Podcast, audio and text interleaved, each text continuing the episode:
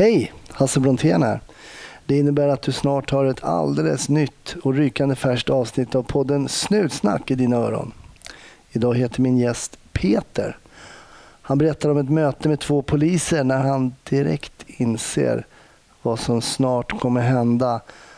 Därför har han nämligen själv vid tillfällen stått på andra sidan tröskeln. Så alldeles strax Peters berättelse. Glöm inte att gå in på Facebook och gilla Snutsnack där. Glöm inte heller att följa mig på sociala medier där jag heter Hasse Brontén. Nu tycker jag att du ska ha en trevlig poddlyssning och glöm inte, var försiktig där ute. 1310 570 kom. 1310 Odengatan kom. Ja, det är uppfattat. Vi tar det. Slut. Bra. Klart slut. Peter, varmt välkommen till Snutsnack. Tack så mycket. Hur är läget? Ja, det är bra. Det är bra. Ja, härligt. Vi, vi har precis suttit och pratat lite och kommit fram till att vi nästan har jobbat eh, samtidigt på samma plats, men inte riktigt. Nej. Det var, jag jobbade som lärare på polisskolan och du kom dit precis efter jag hade slutat egentligen. Ja, ja. Och i dagsläget så jobbar du med utbildning också av Ja. poliser. ja, det är riktigt. Eh, när vi avlöste varandra så var det ju på Sörentorp i Stockholm. Då. Mm. Men eh, sen dess har ju grundutbildningen på polisprogrammet flyttat så att eh, nu är min arbetsplats Södertörns högskola där vi bedriver grundutbildning till poliser när det gäller i Stockholm. Då. Mm. Och vi pratades på telefon i förra veckan och då stod du och byggde ihop eh, utbildningslokaler på något sätt. Ja. Vad gjorde du då? Nej men det är ju så att eh, vi lär oss ju, eller vi, vi hanterar ju juridiken mycket på för det som jag undervisar i det är brottsutredning och det grundar sig mycket på juridik vad man får göra när man får gripa och husansakningar och beslag och sånt där. Mm. Men det är ju också så att vi måste ju öva på juridiken, att få över det teoretiska i det praktiska. Mm. Och nu är det ju mitten på juni eller nästan slutet på juni så att eh, nu pågår ingen undervisning utan då går ju en del av vår tid till att förnya och, laga och fixa med övningslokaler helt enkelt. Mm. För det gäller som sagt att, att inte bara köra det teoretiska utan vi måste ju också träna in det praktiska. Just det. Vårt yrke, polisyrket är ju väldigt praktiskt. Jag kommer ihåg när jag, när jag själv eh, pluggade på, på Polishögskolan så var det ju då lägenheter med halva väggar. Ja, Där, man då, där eh, instruktörerna och lärarna kunde då se hela lägenheten trots att man då stod kanske två rum bort. ja Så är det så nu för tiden också? det är likadant. Ja, det är så. Ja. Och nu eh, kan vi också spela in eller vi har monitorer så vi kan se vad som pågår i de olika eh, alltså, eh, övningsplatserna, lägenheterna eller butiken eller vad det nu kan vara för någonting. Då. Just det. Så att eh, tekniken, även fast det går lite långsamt så har tekniken gått framåt. Ja, precis. Men en dag så klev ju även du in som elev Ja. Eh, till polisutbildningen. Och hur, hur dök den idén upp för dig att du ville börja jobba som polis? Jag vet faktiskt inte. Alltså jag, jag har fått den här frågan några gånger. Jag brukar säga i brist på annat och det låter ju, det låter ju lite nonchalant sådär men det var nog faktiskt så. Men däremot så då måste jag säga att det är ju snart 40 år sedan som jag klev in på Sörentorp då och började min grundutbildning. Mm. Och jag har aldrig, aldrig har jag en, äh, ångrat mitt yrkesval. Är det så? Jag har aldrig ångrat det. Däremot så finns det enskilda arbetspass som jag hade klarat mig bra utan. Så är det ju liksom. Mm. Men däremot eh, yrkesvalet har jag aldrig ångrat.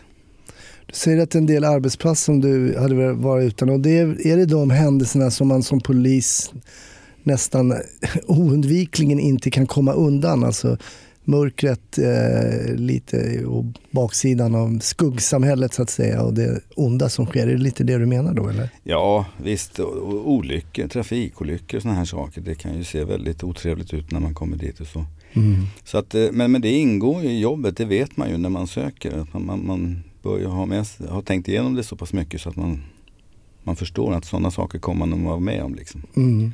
I tv och tidningar vid en trafikolycka så är det någon som har lagt en filt över när det ser för, för otäckt ut. Mm. Den där filten, det kan ju vara vi poliser eller någon av oss som har lagt över. Då. Mm.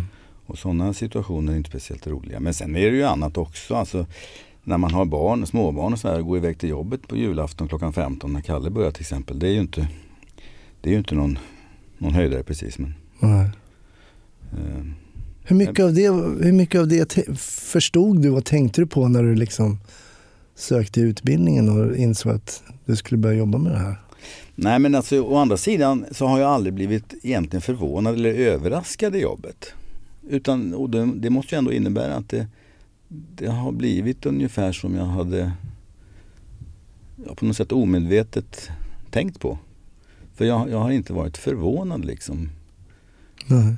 Men, men, men alltså vissa arbetsuppgifter som vi har de är ju inte, inte roliga eller de är ju väldigt otrevliga och jobbiga eller visuellt jobbiga att se. Mm. Liksom, som en trafikolycka eller lägenhetsbråk eller något barn som har råkat illa ut. Någonting sånt där. Mm. Det är ju naturligtvis men, men det, det ingår i jobbet. Mm. Och jag vet inte, jag tycker jag har alltid trivts ändå. Jag har varit en väldigt bra kamratskap och, och man jobbar med allt ifrån ja, i stort sett 20-åringar som precis har kommit ut från skolan eller 21-22-åringar fram till folk som ska gå i pension och det är både grabbar och det är tjejer. Och, och, och det är en, en fördel som jag tycker har varit väldigt stor. En annan fördel det är ju att det finns så väldigt många olika yrken i yrket. Mm. Alltså, jag har åkt radiobil, jag har utrett brott och, och när jag tyckte att jag ville liksom göra någonting annat, ja då jobbar jag som lärare nu. Det är ju ett helt annat yrke men det är samma ämne. Mm. Så att, nej, yrkesvalet det, det har varit jättebra. Vad, är du själv, vad har du själv för bakgrund? Var är du uppvuxen någonstans? Jag är uppvuxen här i Stockholm på Sankt Eriksplan. Med två yngre syskon och föräldrar som höll ihop ända fram till pappa dog i cancer när han var 60 år. Mm. Ehm, Ja, så att det, det, nej, men jag är uppvuxen i Stockholm. Sen bodde jag som tonåring i 6-7 år nere i Västergötland i Mariestad också. Och jag tror att det var där jag fick första kontakten med polisen. När jag gick i nian där, då skulle man då som det hette prya. Och då tror jag, jag har ett svagt minne av att jag gjorde det på polisen i Mariestad en vecka. Okej. Och det var nog den egentligen första kontakten som jag fick med polisen. Vad tyckte dina föräldrar om ditt yrkesval då? Kommer du ihåg det? Nej, de tyckte att det var eh, De tyckte att det var spännande. De, de, ja, nej, men de hade ingenting emot det.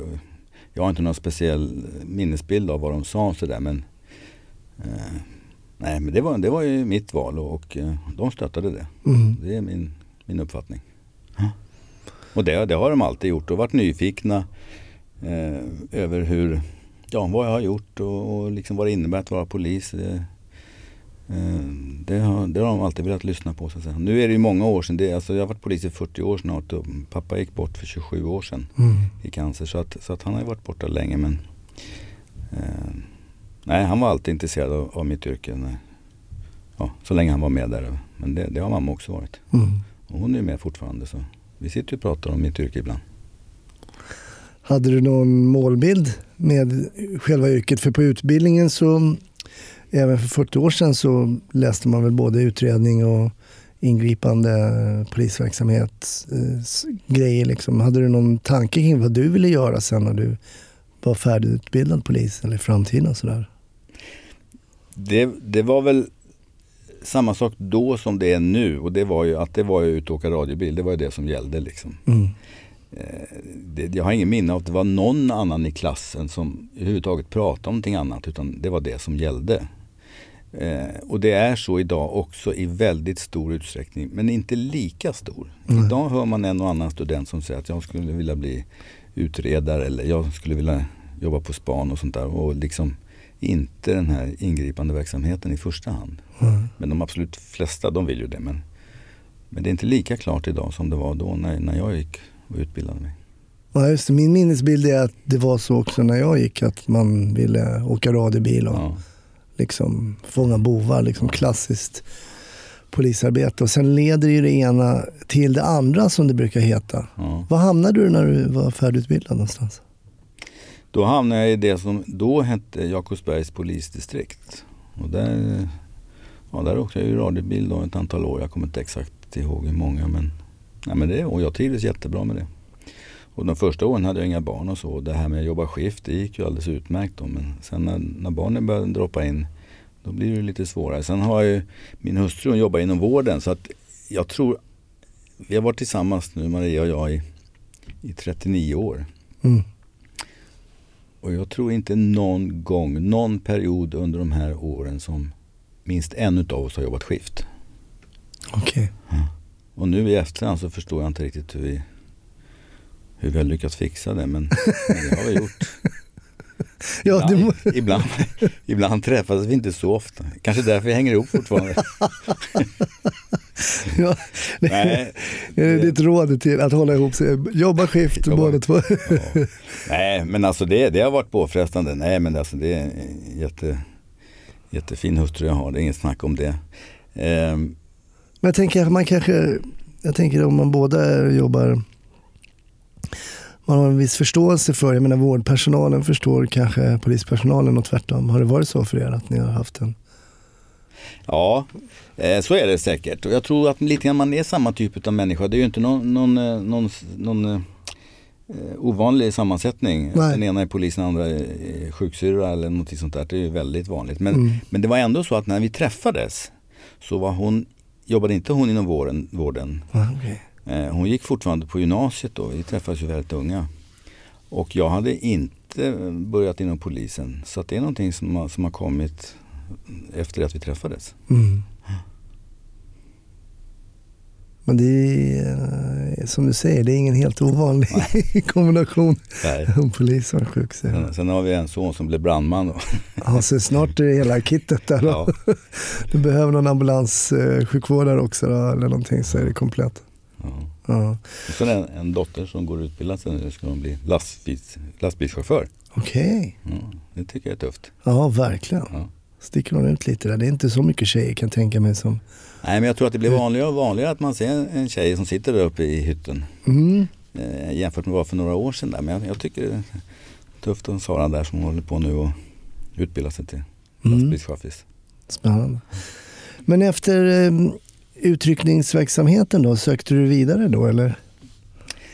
Ja, det, det blev, då blev det väl det här med närpolisverksamhet efter ett antal år där, någon gång i mitten på 90-talet. Och det var en väldigt rolig tid som polis därför att då, då eh, lördagskvällen då kunde man vara ute i radiobil och sen så var det en ungdomsbrott eller någon lägenhetsbråk i området sånt där och sen så tog man själv och körde själva utredningen sen veckan därpå liksom. Just det. Och, och det, det blev väldigt bra tyckte jag därför att jag såg ju, kanske inte själva händelsen framför mig, men jag såg ju liksom var det hade utspelats lägenhetsbråket. Jag såg lägenheten framför mig. Jag, jag liksom, det blev lättare faktiskt att, att utreda det. Liksom. Eller att man kom till den här platsen där, där det här rånet, personrånet hade skett. Liksom, så att man hade bilden klar för sig. Det blev Mm. lättare att hålla, hålla förhören tyckte jag och sådana här saker när man, eh, när man hade varit där. Men, men sen var, blev det också så att själva arbetet blev ju väldigt omväxlande. Liksom. Mm.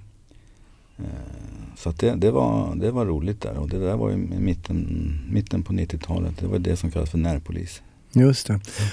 Det är så man uppfattar ibland när man ser amerikanska filmer och sånt. Att då kommer de ut liksom på platsen, de eh, kollar in liket, eh, de eh, har utredningen och de fångar boven lite så. Ja. Eh, men tanken var väl, och det, som du säger, att det låter ju väldigt ehm, eh, naturligt det här att det skulle vara att det är enklare att hålla ett förhör när man vet till exempel exakt hur en lägenhet ser ut, Mm. hur, hur personer har stått, hur de kan stå i, i, i, i, i den lägenhet som du själv har sett och sådär. Så att, närpolisreformen där, den var ju väldigt omvälvande och det, det var ju många som var emot den kommer jag ihåg. Jag jobbade ju fortfarande då. Var, man rumsterade om väldigt mycket. ja, visst gjorde man det. Ehm, Men ur det perspektivet jag hade när jag jobbade liksom sådär i lokalt område så, så tyckte jag att det var jag tyckte att det var eff- effektivt för den här lokala brottsligheten men det har ju hänt så mycket sedan dess. Alltså, nu är ju brottsligheten är ju liksom betydligt större, bredare, alltså gränsöverskridande över landsgränser och så. Mm. Och det måste man ju naturligtvis ta tag i och det löser man kanske inte genom att jobba, jobba lokalt så att säga. Nej. Det ska ju vara då i ett långt perspektiv att man får folk att liksom inte bli brottslingar så att säga. Men, men, men ur ett lokalt perspektiv så tycker jag att närpolisen var bra. Liksom. Men, men det, finns, det finns oerhört mycket andra liksom, typer av brottslighet som, som vi måste jobba med jättemycket idag. Mm. Ja, man läser i tidningarna att vissa, till exempel de som stjäl båtmotorer, eh, är specialiserade på det, kanske kommer från något visst land och de som stjäl det och så vidare och delar ur bilar och det är väldigt, känns som att det i, bitvis är väldigt organiserat. Mm. Och det är även där, det är ju tydligen gränsöverskridande utan man, man organiserar liksom båtstölder i Sverige från ett annat land. Liksom. Mm. Och så kommer det hit folk från andra länder i olika grupperingar och har ansvar för olika sträckor ut med våra kuster där de, där de ska stjäla. Liksom. Vi stjäl i det här området och någon annan, några andra stjäl i det området. Så här. Och det här planeras och organiseras utanför våra gränser. Liksom. Mm. Så, och, och det är ju jätte måste ju vara jättesvårt att jobba mot. Jag har, jag har ingen, ingen erfarenhet av det. Så att, men jag har full förståelse för att det där måste vara jätteproblematiskt att hantera. Har du blivit en bättre polis genom åren? Ja, det tror jag. Ja, det tror jag. Och det är väl ingen överraskning att, att erfarenhet ger väl liksom, och livs, både livserfarenhet och erfarenhet i yrket Mm. Ger väl en, eh, ja, en bättre förutsättning. Så det, det måste jag nog utgå från att jag har blivit. Mm. Men det blir vi nog allihop så det är inga konstigheter. Ja. Learning by doing. Ja, precis. Man blir bättre av att ibland eh, halka lite snett på en del grejer och Ja. veta det där kan jag göra bättre nästa gång. Ja.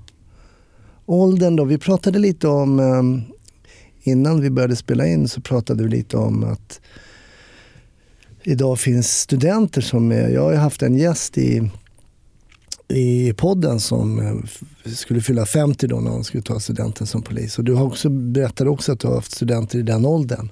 ja, Och eh, att det är ju vanligare idag. idag så, för, förr i tiden sa man ju nej till folk som var mm, lite citat äldre då. mm, mm.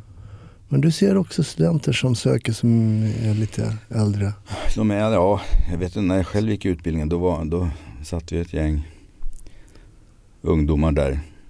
Ingen utav oss i klassen hade barn. Några, några utav oss var sambo, ingen var ju gift. Sådär. Mm. I, idag är det ju många som, som både är gifta och har hus och ett, flera barn och så här. Så. Och jag vet inte vad genomsnittsåldern är för ett antal år sedan. Jag tror när jag jobbade på Sörentorp då.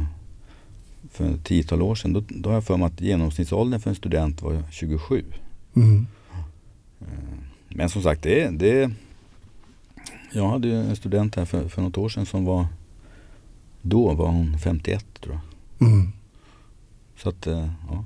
Så du som lyssnar nu och är då lite äldre än snittåldern på skolan behöver inte mm, vara livrädd för att det ska vara omöjligt att komma in utan det finns chanser. Och, Ja, det finns, det finns chanser. Även fast över 50 det är ju ovanligt, visst är det Mm, det. absolut. Men alltså Mm. 30, 35, 40 det är inga konstigheter. Nej. Nej. Nej, det fanns ingen i min klass som, som var över 30, Nej, kommer jag ihåg. inte min heller. Åldern i sig då? Jag menar, det är klart att när man är ute och jobbar och har samma yrke och är på liknande arbetsuppgifter så förstår jag ju att, att, ehm, att man blir bättre, precis som du berättar. Att Mm. Det är kanske helt naturligt att det är så. Men åldern i sig då? Man kommer in som du säger, man är plus 40 till exempel. Är man, en, är man bättre lämpad generellt som 40-åring än som 20-åring? Jag vet inte, alltså man, man, har ju, man har ju som sagt livserfarenhet men alltså det har ju så väldigt stor betydelse också vad man är för en person. Mm. Vad man har för personlighet. Mm. Så att i så fall så tror jag att det har större betydelse. Och det ska ju förhoppningsvis eh, testas när man söker in då liksom. Mm. Eh, Men, men det kan ju ändå ha den fördelen att man har, man har ju varit med ett tag liksom. och man har ju kanske erfarenhet från några andra arbeten. Jag har ju egentligen aldrig varit annat än polis. Jag började i skolan när jag var 21 tror jag. Mm. Jag hade ju haft något, något sommarjobb och sen så gjorde jag ju lumpen och så jobbade jag som vaktmästare något år på regeringsrätten. Men, men i övrigt så är det ju bara ett yrke som jag har testat på. Liksom. Mm. Och det kan ju aldrig vara fel att liksom kanske ha några års erfarenhet från, från helt andra yrkesgrupper. Liksom. Nej, precis. Har du känt någon som lärare att du har träffat på studenter som du känner så här, mm, här är det lite svajigt alltså. Det här kanske inte Jag vet att jag gjorde det vid något tillfälle. Jag skrev till och med någon promemoria efter en övning att jag hade synpunkter på att det här kunde bli lite svårt att jobba som polis i framtiden. Har du, känner du så ibland? Ja, det gör jag. Och då är inte det liksom att den här personen har gjort ett dåligt resultat på en tenta eller någonting sånt. Nej, Då är det nej. inte det. Utan det är mer liksom om den här personen har den här attityden eller framtoningen om jag säger så. Mm. Hur ska det gå när, när han eller hon kommer ut och stöter på folk som provocerar och, Mm. vilket är väldigt vanligt liksom. Mm. Då måste man ju hålla sig lugn och vara saklig och så här. Då går det ju inte liksom att vara full av prestige och så här. Så att det, är, det är mer sådana situationer, inte att man gör ett dåligt resultat på en tenta. För det går att förändra, det går Mm. att läsa. Men, men har man en personlighet, liksom en taskig attityd eller så. eh, Det är ju svårare att ändra på för det är ju Mm. med ens personlighet. Exakt ett Så- sånt fall som jag hade faktiskt. Där jag kände att otroliga attitydproblem och även i samtal med mig som instruktör efteråt och inte heller kunna ta till sig till kritik och sånt där. Det såg jag som, det såg jag som väldigt allvarligt alltså. Ja. Hur många frånskiljs, finns det, frånskiljer man en del Ja, från det, det gör man. Jag, ja, det, det gör man. Jag vet, inte, jag vet inte hur många så jag ska, jag, jag ska inte ge mig in i några resonemang där. Men, men, men det händer liksom. Men jag tror att det,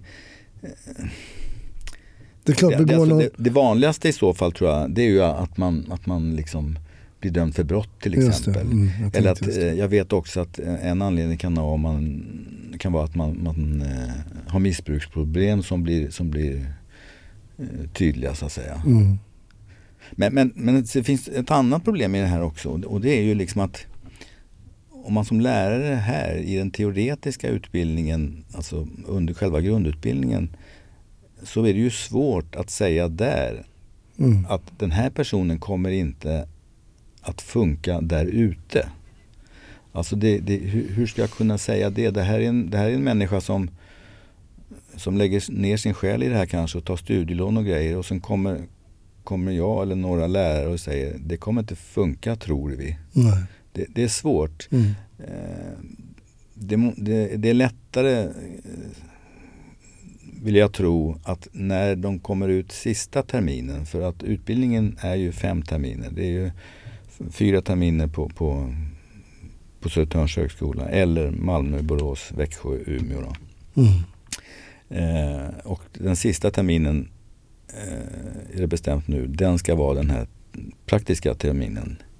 Eh, det är ju där som det blir lättare att säga att nej, du funkar inte i det praktiska polisarbetet. För Just där bedöms man ju i sitt polisarbete, Just det, fast man är precis. nybörjare. Mm. Det blir ju väldigt svårt och det blir ju lite grann ändå utav en hypotetisk bedömning som man gör att du kommer inte att funka där ute. Mm. Däremot om det finns varningstecken så tycker jag absolut att vi som jobbar på de här fy, första fyra terminerna, alltså på, på, grund, alltså på polisprogrammet. Om vi ser varningstecken så är det bara med vår skyldighet att tala om det. Just det. Eh, både för skolledning och för studenten. Så att studenten inte får det kastat i ansiktet på det efter att ha tagit två års studielån kanske. Och man, han inte har fått någon varning eller hon. Liksom. Mm. Så att om det är så att man reagerar på något sätt, eh, något beteende, då tycker jag att då ska vi tala om det och säga det, det, här, så här kan, det här är inte bra, så här kan du inte göra liksom. Och ta ordentliga diskussioner om det. Mm. Sen, sen kommer den riktiga bedömningen. Det blir ju när, när man är ute på femte terminen då på sin praktiska del av utbildningen. Och där bedöms ju studenten i det praktiska polisarbetet. Och funkar man inte där ute, ja, då blir man inte godkänd. Då. Just det. Nej, jag hade också med aningar såklart. Jag kunde inte säga med bestämdhet att den här personen inte kunde fungera ute i det praktiska. Men ibland har man en känsla Ja, och ja. jag pratade med den studenten och skrev också en promemoria om det som jag tyckte var felaktigt. Sen Mm. tror jag att den personen blev godkänd och förhoppningsvis så funkar det. Ja. Du berättade för mig också innan vi satte på inspelning här om att vara på andra sidan. Mm. Att Ja. uppleva polisarbete och inte vara polisen. Mm. Ja, eh, Jag har berättat om Andreas, eh, mitt äldsta barn och mitt yngsta barn Sara. Eh, sen hade vi också Jessica däremellan. Eh, och i fjol så var det ju så då att 10 oktober i fjol så ringde det på dörren. Och jag var själv hemma, jag satt och käkade. Vi bor i radhus och jag öppnade dörren och så tittade jag rakt in i bröstkorgen på två personer som står där civilklädda. Men båda två håller upp varsitt polislägg. Mm. Bredvid dem står eh, en kvinna. Och när jag vrider på huvudet och tittar på henne så ser jag att hon har prästkrage. En präst alltså? Ja, precis. Och utifrån min kunskap som polis så vet jag precis vad som har hänt. Um, och jag säger till honom direkt, kom in, berätta direkt, berätta med en gång vad som har hänt. Och då var den äldre utav polisen som sa Ja, vi har inga roliga nyheter. Nej, berätta, sa jag. Berätta med en gång. Och då sa de att eh, Jessica är död. Din, ditt mellanbarn alltså? Mitt mellanbarn. Hon skulle ha fyllt 29 år eh, veckan efter det här hände. Då. Som polis har vi varit med allihop att stå utanför dörren. Eh, men den här gången stod jag innanför dörren. Mm. Och nu vet jag åtminstone hur jag reagerade. Och jag har ju som polis förstått att det måste vara hemskt att stå innanför dörren och få en sån här meddelande. Men det var värre än så. Det var, frukt, det var helt enkelt vidrigt. Mm. Jag förstår det. Um, de här två poliserna och prästen gjorde ett jättebra jobb. Uh, men det går, inte, det går inte att meddela en sån här sak på, på ett lindrigt sätt. Nej. Utan det är som det är. Det går inte att börja med att säga att personen är dålig eller sådär. Nej. Det går inte. Utan personen är död. Och det går inte att framställa på, på något annat sätt egentligen. De, de, poliserna, de här två grabbarna och, och den här kvinnliga prästen då, gjorde ett jättebra jobb. Men numera vet jag hur jag reagerar när en sån här situation inträffar mig. Och jag hoppas verkligen att det var både första och sista gången jag är med om ett... För det var det värsta jag varit med om. Mm. Hur reagerade du då? Ja, jag kommer inte ihåg. Jag, jag kommer ihåg att jag började gå runt in i hallen i högervarv där och liksom bara höll händerna för ansiktet. Och, mm. ja, man, jag har ju lite kunskap som polis om de här olika faserna man befinner i ett sorgarbete. Alltså det här med chock och eh, reaktion, bearbetning och nyorienteringsfas och sånt där. Så att jag, jag kommer ihåg att jag tänkte ganska snart att nu är du i chock Peter.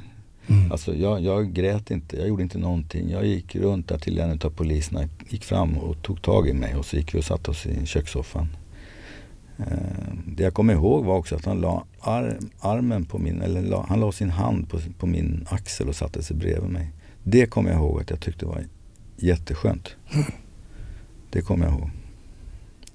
Den här, den här situationen är ju nu åtta, åtta månader gammal och det är därför jag, jag det är jobbigt. Det är mm. jättejobbigt. Men jag, jag, jag, kan prata om den. Mm. Hade vi suttit här för tre, fyra månader sedan då hade det inte gått. Nej. Eh, men eh, det funkar nu eh, faktiskt. Därför att under de här åtta månaderna så har vi ju jobbat i familjen med det här. Alltså Jessicas äldre syskon, brorsan och yngre syskon. Mm. Jessica, eh, Andreas och Sara och min fru Maria och jag. Vi har ju jobbat intensivt med det här liksom hela tiden. Så att för oss är ju inte det här en nyhet längre. Nej. Eh, men jag har använt mig av det här några gånger som lärare och då har jag sagt när vi har kommit in och diskuterat sådana här situationer så har jag berättat om det här och så har jag sagt att jag vill skicka med er ett råd som polis när ni hamnar i de här situationerna, när ni står utanför dörren, för det kommer ni att göra om ni är ute och åker radiobil eller mm. kanske jobbar på någon rot eller någon, någon jourrot eller sånt där där man då genomför sådana här uppgifter. Och då har mitt råd varit att säg aldrig till personen att jag förstår hur du känner. Mm. För jag lovar att det förstår man inte förrän man har varit med om det själv. Nej. Har man inte varit med om något liknande själv, då förstår man inte. Däremot så kan man säga att jag förstår att det här är jättejobbigt. Jättetragiskt, jätteledsamt. Det kan man säga, för det förstår vi som poliser. Mm. Men säg inte att jag förstår hur du känner. Nej. Och det är faktiskt några stycken som har gjort det sen det här hände. Och då har jag, jag har faktiskt känt mig lite provocerad. För jag har tänkt så att du vet fan inte hur jag känner. Nej. Det kan du inte påstå att du vet. Eh, Men däremot så kan du säga att du förstår att det här är jättejobbigt. Mm. För det förstår du, det förstår jag också. Jag tänker att den här, du har lämnat dödsbud själv. Ja det har vi väl gjort alla poliser som Mm. har jobbat ute ett tag.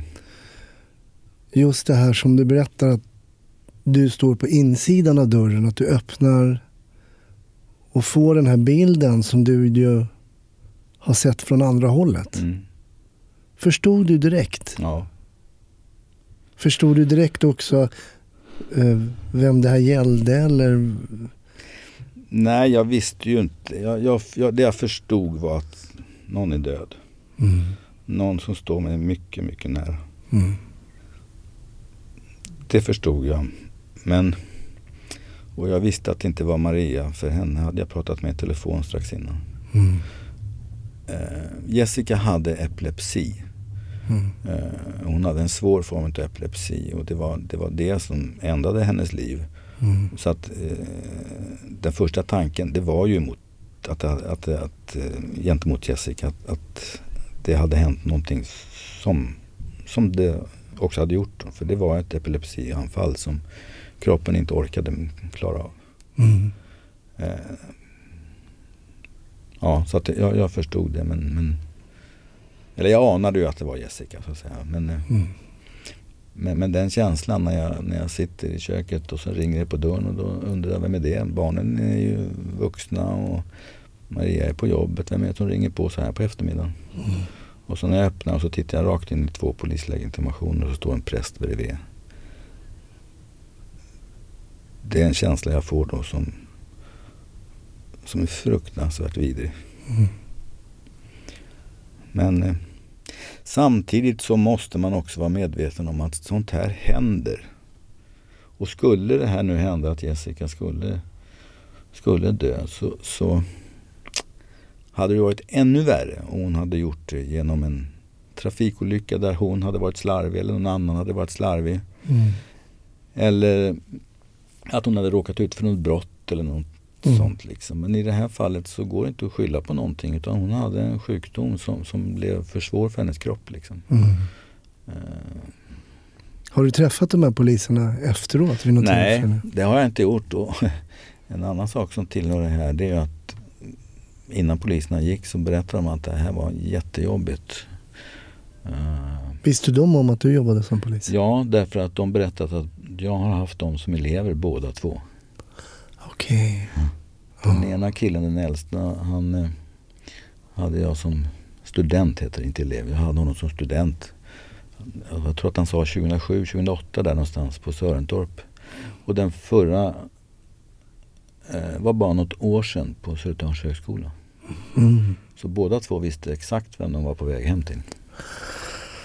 Och det var, det var ju det som gjorde att det var extra jobbigt tyckte de då. Mm. Ja, man kan tänka att det kanske blir en högre anspänning om man ska åka hem till sin före detta mm, polislärare och, Ja. och meddela ett dödsbud.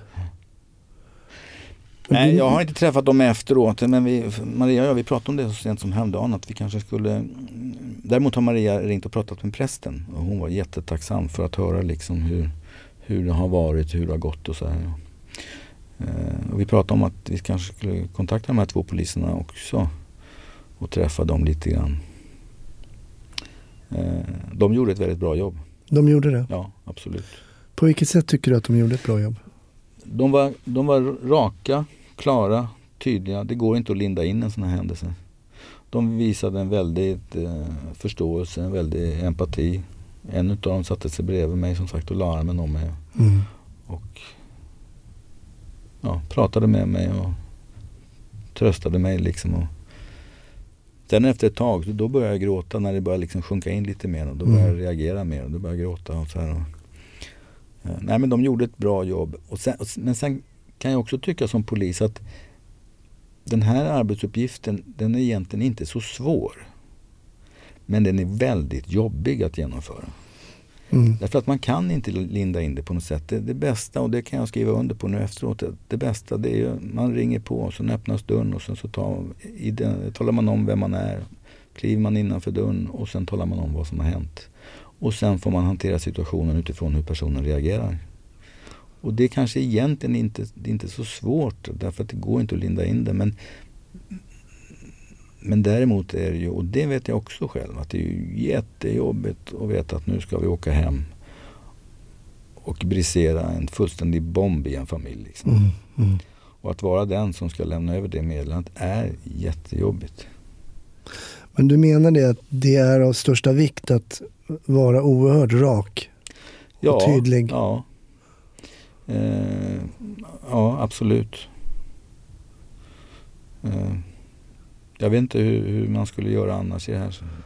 Men det är väl det som är eh, det jobbigaste just det här att säga så jobbiga ord. Ja. att meddela till exempel att en persons barn har dött. Det är mm. saker man egentligen inte vill säga men man måste göra det. Ja. Och det, det, ja. Och det var precis så som han gjorde. När jag sa, jag, jag, jag förstår, berätta bara, berätta med en gång vad som har hänt. Mm. Och sa han, ja Jessica är död. Och eh, ja. Eh, sen, sen fick ju de alla tre hantera mig utifrån så som jag, så som jag reagerade på det. Liksom. Hur det, kan, det kan ju vara lite svårt kanske. Mm. Och det vet jag ju själv också. Att människor reagerar. Vi, alltså ing, vi kan ju inte tala om hur, reagerar, hur, hur man reagerar i en chocksituation. Det visste inte jag heller. Eh, hur jag skulle reagera. Men, men nu vet jag hur jag reagerade i det här fallet Mm. i alla fall. Liksom.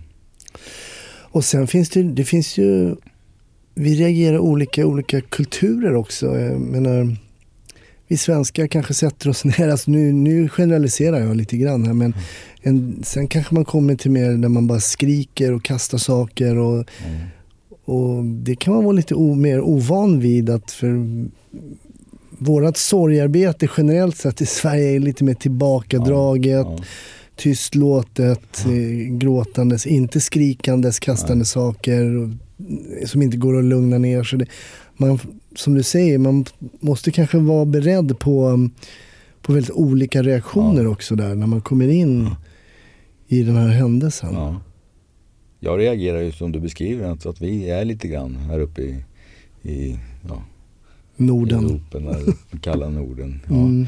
Jag reagerar lite grann så, men, men, men mm, jag kan tro också att det, det är bra att reagera på det andra sätt som du säger, att man, är, att man liksom får ur sig känslor. För sen, Mm. sen den här tiden som har varit sen dess så har det ju varit så att ibland har man gråtit rätt ordentligt och efter, efter man har gjort det så har det känts ganska skönt faktiskt. Liksom. Mm. Man har fått ur sig. Eh, så att eh, idag, avståndet för mig idag mellan skratt och gråt är jättelitet jämfört med vad det varit tidigare. Liksom. Mhm. Jag satt i bilen häromdagen och åkte från Sörentorp hem mot Järfälla och då satt jag och pratade med en av de andra lärarna. Satt jag och pratade med då, i telefon i bilen då. Med headset vill jag tillägga. ja, vi satt och och pratade och skrattade och sen så passerade vi Järfälla kyrka och avslutade samtalet och sen så svängde jag in där och det är alltså där som Jessica ligger då. Och eh, klev ur bilen och gick bort till hennes grav och började gråta. Mm. Och avståndet mellan skratt och gråt där, det var kanske 3-4 minuter. Mm. Eh, ja, men, men så är det.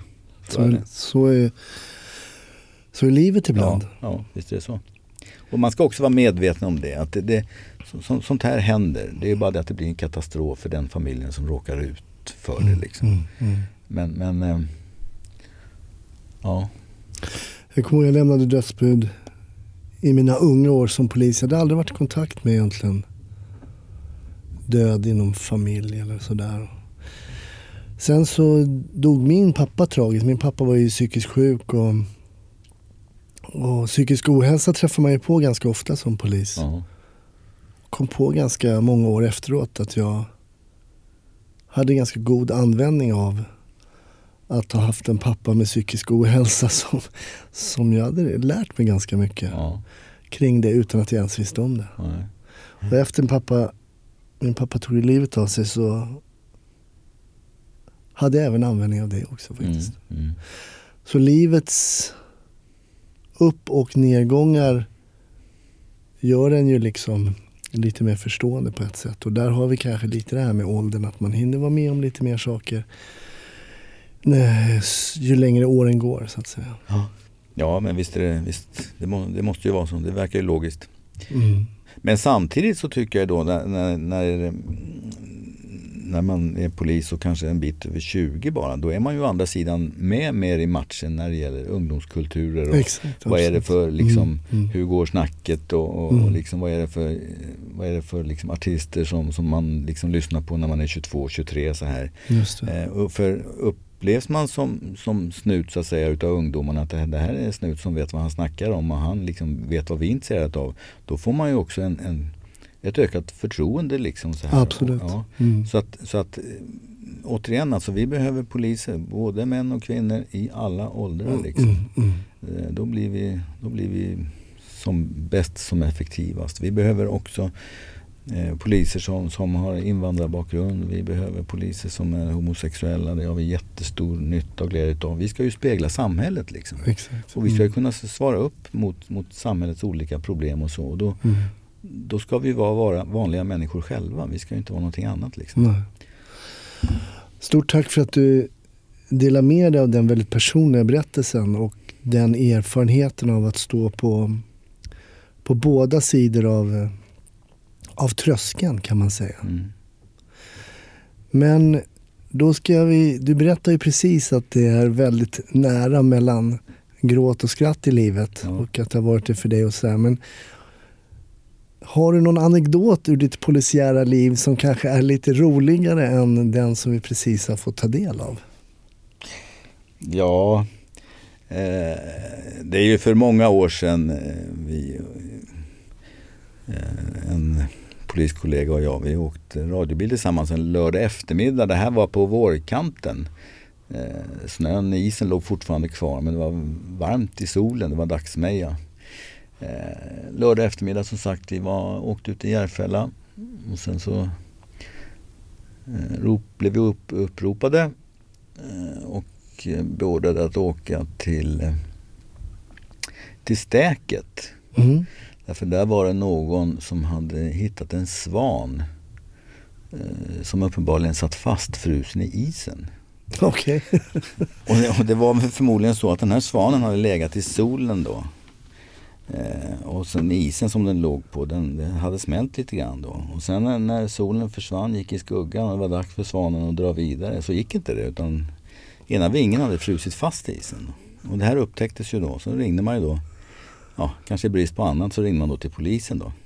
Hade du någon utbildning i fast, fastfrusna svanar när du var på väg till? Nej, jag vet inte om det ingick i utbildningen.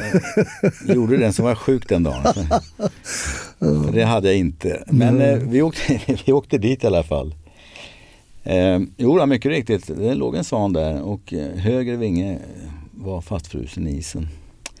Vi hade ju en sån här forceringsverktyg i, i radiobilen som man ska ha när man ska bryta upp dörrar. Och sånt. Just det. Mm.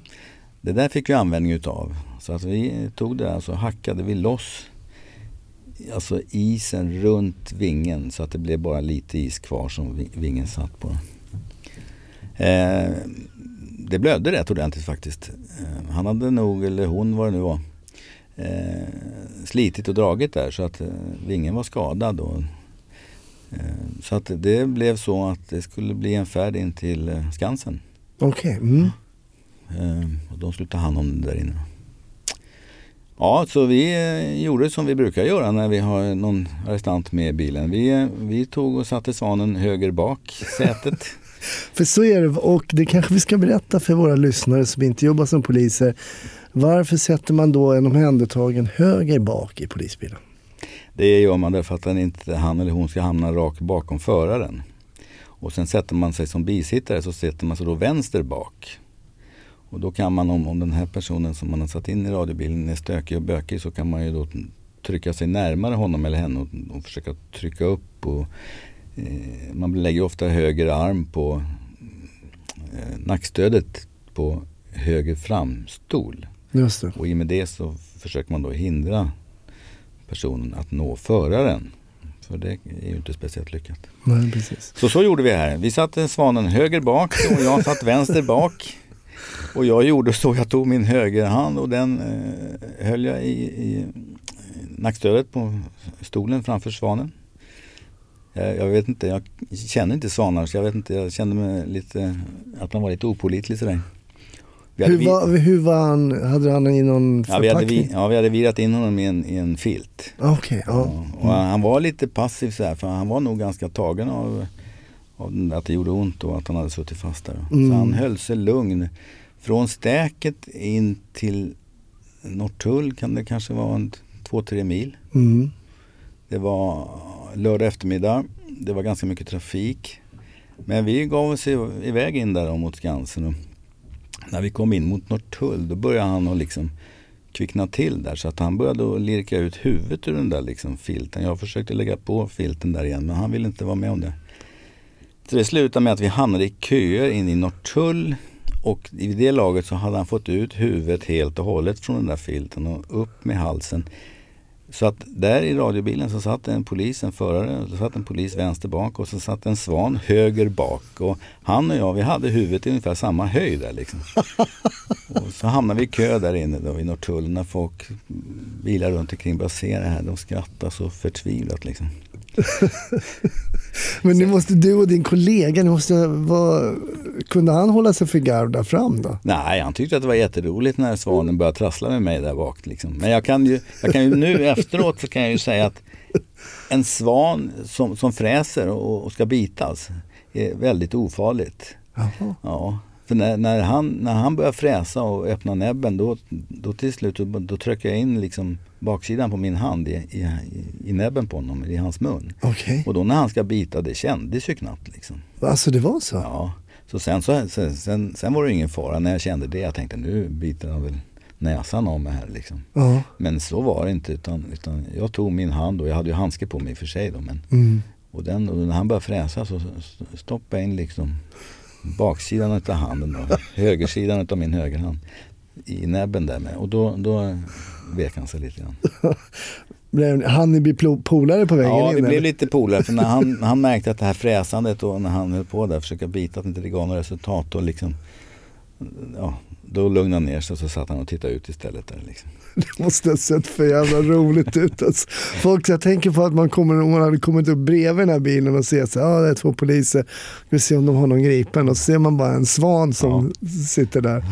Vi hade en svan omhändertagande. Ja. Ja. Och sen lämnade jag av den här svanen där uppe på. Sen åkte vi upp till Skansen där. Det tog sin lilla tid genom Stockholm där. Vi skulle upp på Skansen. Men vi kom ju upp dit till slut och vi, vi lämnade över honom och ja, vi sa hej till honom. Hur det gick för honom det, det vet jag inte. Men där uppe sa de att det där, det där kommer att läka och då, då släpper vi ut honom. Ah, okay. Mm. Ja, alltså det är ju en väldigt rolig historia och det visar ju på att trots, trots eh, mycket utbildning då på polisutbildningen i juridik och allt möjligt så kan man ändå få åka på en eh, fastfrusen svan. Ja. Eh, har du åkt på några fler fastfrusna svanar? Nej. Det Det, det, blev, det blev en gång fastfrusen svan. Ja. Hade jag fått göra det igen då hade jag nog gjort det lite bättre nästa gång. För då hade jag vetat om, vis av erfarenhet. Liksom. Precis, Att det är ingen, så. Det är ingen fara. Han kan fräsa om han vill. Mm. Men jag tycker att eh, man kan uppfatta svanar som eh, lite eh, aggressiva och att man blir lite skraj för dem när de kommer för nära. Men nu vet man att de, Ja. man ska köra handen i munnen-tricket. Det är Ja. Peter som lär oss här. nej, det är Ja. underbart. Ja, nej, som sagt, ibland är det, ibland är det nära. Eh, från det allvarsamma till det, eh, till det som lockar fram skratt. Ja, och det, och det är ju också det som är roligt med jobbet också. Det, alltså det, är, ju, det, är, ju, det är ju omväxlande liksom. Sådär. Mm. Och, och, men det är också det som är svårigheten. Ib- Ibland när man har varit på någon arbetsuppgift som är väldigt påfrestande på något sätt mentalt även för mig som, som människa och, och polis. Eh, sen åker man direkt därifrån till någonting helt annat. Att, att då koppla bort det man har varit med Mm. om och sen så börja från noll direkt liksom Man kanske har blivit jätteprovocerad, man kanske blivit utsatt för våld eller varit tvungen Mm. att använda våld och sen åker man direkt därifrån till en situation som är helt annorlunda där det verkligen gilla, gäller att liksom eh, vara ödmjuk och, och liksom ta situationen på rätt sätt. Det, det är inte lätt alltså, det är en svårighet. Det är den här konsten att så att säga trycka på reset på Ja. något sätt. Att liksom nästa jobb är nästa jobb. Att inte det gamla ligger kvar då på Ja. något sätt. Eller? Jo, jag, jag, jag tycker det. Men, men, Ja. det, men samtidigt som det är svårigheten så är det utmaningen och det, det, är ju- det är ju det som är roligt. Mm. Det är det som är roligt liksom att, att, ja, att sträva efter att göra ett, ett bra jobb. Jag tror att det bästa sättet, är ju, om man nu pratar om utryckningsverksamhet, är att när man är på väg ifrån en arbetsuppgift att man alltid pratar om det i radiobilen. Mm. Alltså man är ju oftast två stycken. Ja, Mm. hur gjorde vi det här då? Vad, vad var det vi gjorde som var bra som vi ska, som vi ska liksom komma ihåg? Och vad var det vi gjorde som vi skulle kunna gjort bättre liksom, i en liknande situation nästa gång? Mm. Och har man drivet och gör det här, vilket jag tycker att det är, man ska ha. Om man inte har det utan det, ah, så där liksom, då kanske man ska fundera på att det är dags att göra någonting annat. Mm. Och då är vi inne på en, en annan fördel i det här jobbet, att det finns ju så mycket annat att göra. Liksom. Mm. Verkligen. Ja, att, eh, ja. Och det är minsann gästerna här i, i podden bevis på. Vi har ju haft allt från hundförare, helikopterpiloter och ridande poliser och så vidare. och så vidare Utredare och, av olika slag. Både från bedrägeri till barnpornografi och så vidare. Det, um, det finns verkligen mycket. Jag brukar alltid avsluta eh, podden med att prata om polisfilmer. Det är någonting som, eh, som du kan kolla på. Svenska, vi, kollar på, om vi tänker oss först svenska polisfilmer, vad, hur ställer du till det?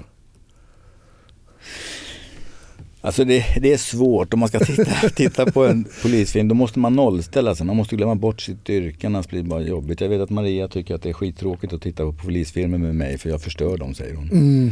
Eh, och det är klart att det är ju inga dokumentärer men, men man kan ju ändå inte låta bli att liksom göra lik, alltså jämförelse med hur, hur, är, hur polisjobbet är. Liksom. Nej. Så att det, det är sparsamt med den grejen för mig. Jag brukar gå in och titta på den andra tvn. Det brukar vara någon, någon, någon sport att titta på eller något. Medan Maria kikar på de här svenska filmerna. Ah, okej. Men däremot så kommer jag ihåg för många år sedan så var det ju en serie som hette Spanarna på Hill Street. Ja. Ja. Den tyckte jag hade sina poänger. Därför min övertygelse där det var att det var riktiga poliser som hade varit med och petat i manus. Just Så det. vissa kommentarer och vissa grejer som hände, det kunde man liksom, liksom direkt på pricken. Mm. Det är precis så där det är i en sån situation. Det måste ha varit poliser med och petat i manuset när det gäller den serien tyckte jag. Så den tyckte jag var lite rolig. Kul. Ja, men det, det var ju en riktig sån retro-rekommendation. Den hette väl Hill Street Blues. En sån klassisk, jag kan Ja. nästan få den här melodin i, i, i huvudet när man ser den här. Jag tror det var polis i Chicago va? Ja, jag kommer inte ihåg. Ja, jag kommer tror inte ihåg.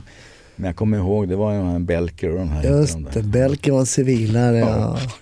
Ja, kul Peter. Ja.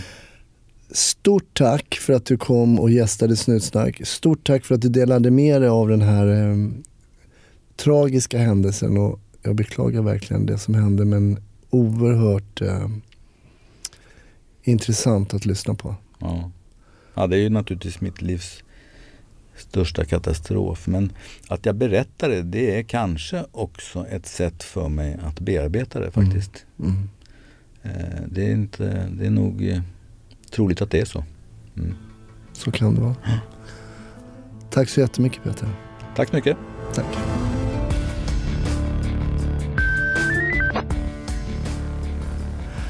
Stort tack! Ännu ett avsnitt av Snutsnack är förbi.